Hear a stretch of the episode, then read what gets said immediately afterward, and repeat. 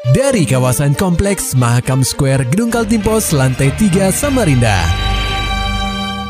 96,8 KPFM. Kita akan ikuti program KP Flash News.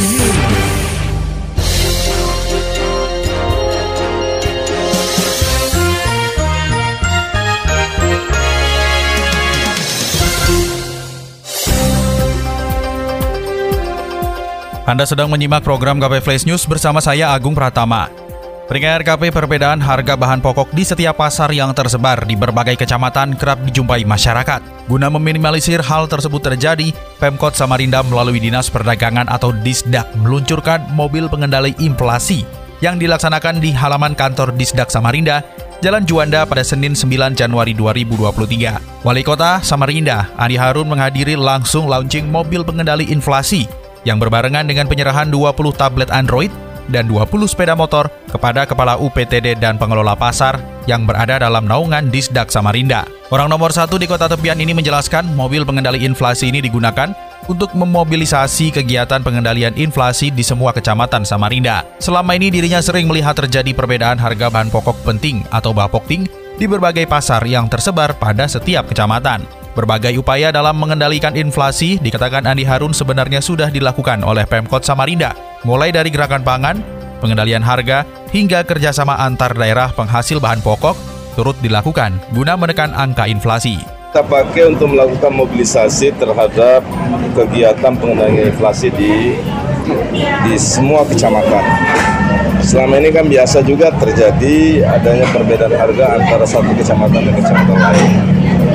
Tetapi secara umum inflasi ini menjadi konsen nasional dan kita lebih-lebih di Samarinda sebagai daerah yang tidak yang bukan sebagai daerah penghasil benar-benar kita akan fokus secara terus-menerus untuk melakukan pengendalian inflasi di daerah ini dan berbagai upaya kita telah lakukan gerakan tangan sudah dilakukan pengendalian eh, harga uh, juga sudah kita lakukan. Kerjasama antar daerah juga sedang ber, sudah ada yang berjalan dan terus menerus kita akan lakukan. Sementara itu, Kepala Disdak Samarinda Marnabas mengungkapkan bahwa sumber dana pengadaan mobil pengendali inflasi serta puluhan sepeda motor dan puluhan tablet ini berasal dari dana insentif daerah atau DID, di mana metode pembeliannya menggunakan e-katalog. Ini mobil inflasi. Mobil inflasi ini nanti akan kami kolaborasi dengan uh, PT Parianiaga dan Bulog. Jadi nanti kalau memang uh, apa terjadi kelangkaan misalnya katakanlah beras, Bulog boleh boleh pakai. Kemudian nanti ketika minyak goreng dan sebagainya, kami akan serahkan ke anu untuk dia pinjam pakai beberapa hari. Distribusi kita langsung ke titik sasaran. Tahun tahun depan saya pesan satu lagi. Khusus untuk mobil pengendali inflasi, Marnabas melanjutkan pihaknya akan menjalin kolaborasi bersama Bulog dan Perumda Varian Niaga guna memenuhi distribusi bahan pokok apa yang sedang mengalami gejolak dengan menggunakan sistem pinjam pakai sehingga distribusi bahan pokok langsung dilakukan ke titik sasaran. Beralih ke berita selanjutnya, pendengar KP, Pansus Investigasi Pertambangan membeberkan akan adanya dua calon tersangka atas kasus pemalsuan 21 izin usaha pertambangan atau IUP yang tengah diselidiki oleh Polda Kaltim. Hal itu diungkapkan Wakil Ketua Pansus Investigasi Pertambangan DPRD Kaltim M. Udin saat ditemui oleh awak media. Udin menjelaskan bahwa pihaknya belum mendapatkan informasi lebih lanjut dari Polda Kaltim terkait nama-nama calon tersangka. Akan tetapi dua calon tersangka itu terindikasi terlibat dalam penerbitan surat gubernur berkaitan dengan 21 IUP tersebut. Informasi dari yang kami terima uh, kurang lebih yang sudah uh, sudah terlirik untuk sebagai tersangka ini kurang lebih ada dua orang. Hmm. Cuma nama-namanya belum dipublikasikan oleh pihak kepolisian, tapi ada indikasi dua orang yang uh, masuk di dalam kegiatan penerbitan surat gubernur berkaitan dengan 21 IUP tersebut. Dua orang ini pejabat kah bang atau informasinya uh, mantan pejabat juga ada dalam oh. sana. Tapi kami belum tahu siapa orangnya. Tapi nanti biarlah pihak kepolisian yang uh, bekerja untuk akan memaparkan berkaitan dengan siapa orangnya. Sembari menunggu langkah Polda Kaltim dalam mengungkapkan kasus pemalsuan 21 IUP ini, Udin memastikan bahwa Pansus Investigasi Pertambangan akan kembali turun ke lapangan untuk mengecek informasi masyarakat bahwa salah satu perusahaan yang masuk dalam 21 IUP ini masih menjalankan aktivitasnya.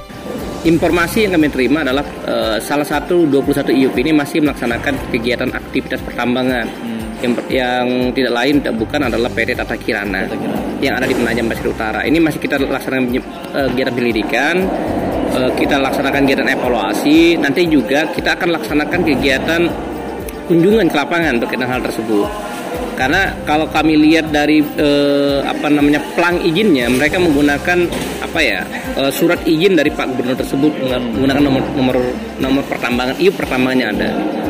Lebih lanjut, Udin menegaskan bahwa tugas Pansus Investigasi Pertambangan DPRD Kaltim mengenai kasus pemalsuan 21 IUP ini sebenarnya sudah hampir rampung karena pihaknya tidak akan masuk ke ranah hukumnya. Meski demikian, pihaknya akan tetap memberikan rekomendasi kepada pihak kepolisian serta pihak yang berkepentingan berkaitan dengan kasus penerbitan 21 IUP ini. Pendengar KP bertandang ke Karangpaci, Bawaslu Kaltim bahas pencegahan pelanggaran pemilu 2024. Laporan selengkapnya akan disampaikan reporter KPFM Samarinda, Muhammad Nur Fajar. Badan Pengawas Pemilu atau Bawaslu Kaltim bertandang ke DPRD Kaltim untuk membahas pencegahan pelanggaran pemilihan umum atau pemilu 2024 mendatang pada Senin 9 Januari 2023. Kedatangan Ketua Bawaslu Kaltim, Hari Darmanto, beserta jajaran komisionernya ini disambut langsung oleh Ketua DPRD Kaltim, Hasanuddin Masud, serta Wakil Ketua DPRD Kaltim, Seno Aji dan Sigit Wibowo. Ditemui usai kegiatan, Hari Darmanto mengatakan bahwa pertemuan ini lebih menitik beratkan pada dinamika politik saat pesta demokrasi mendatang. Selain itu, pihaknya juga menjabarkan mengenai peran Bawaslu dalam penegakan hukum, serta isu-isu krusial semisal Kaltim yang saat ini menempati urutan kelima dalam indeks kerawanan pemilu. Selain itu, pihaknya juga mengingatkan kemungkinan terjadinya pelanggaran kampanye pada tiga kegiatan DPRD Kaltim, antara lain reses, sosialisasi kebangsaan atau sosbang, dan sosialisasi peraturan daerah atau sosper. Ya 2019 yang pemilu sebenarnya kita pernah meriksa ya uh, dugaan pelanggaran penggunaan reses untuk kegiatan kampanye. Nah belakangan ini kan ternyata ada uh, sosbang, ya. kemudian apa lagi tadi itu? Sosper. Ya, sosper.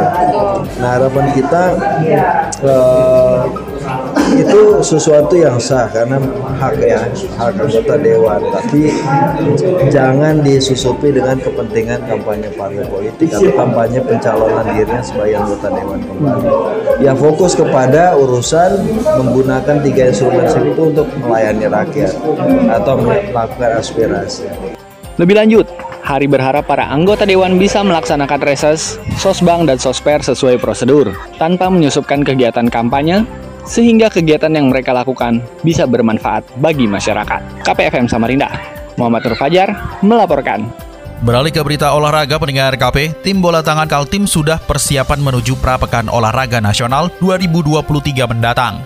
Laporan selengkapnya disampaikan reporter KPFM Samarinda, Maulani Alamin. Tim bola tangan Kaltim telah melakukan persiapan menuju Prapekan Olahraga Nasional atau PON 2023 mendatang.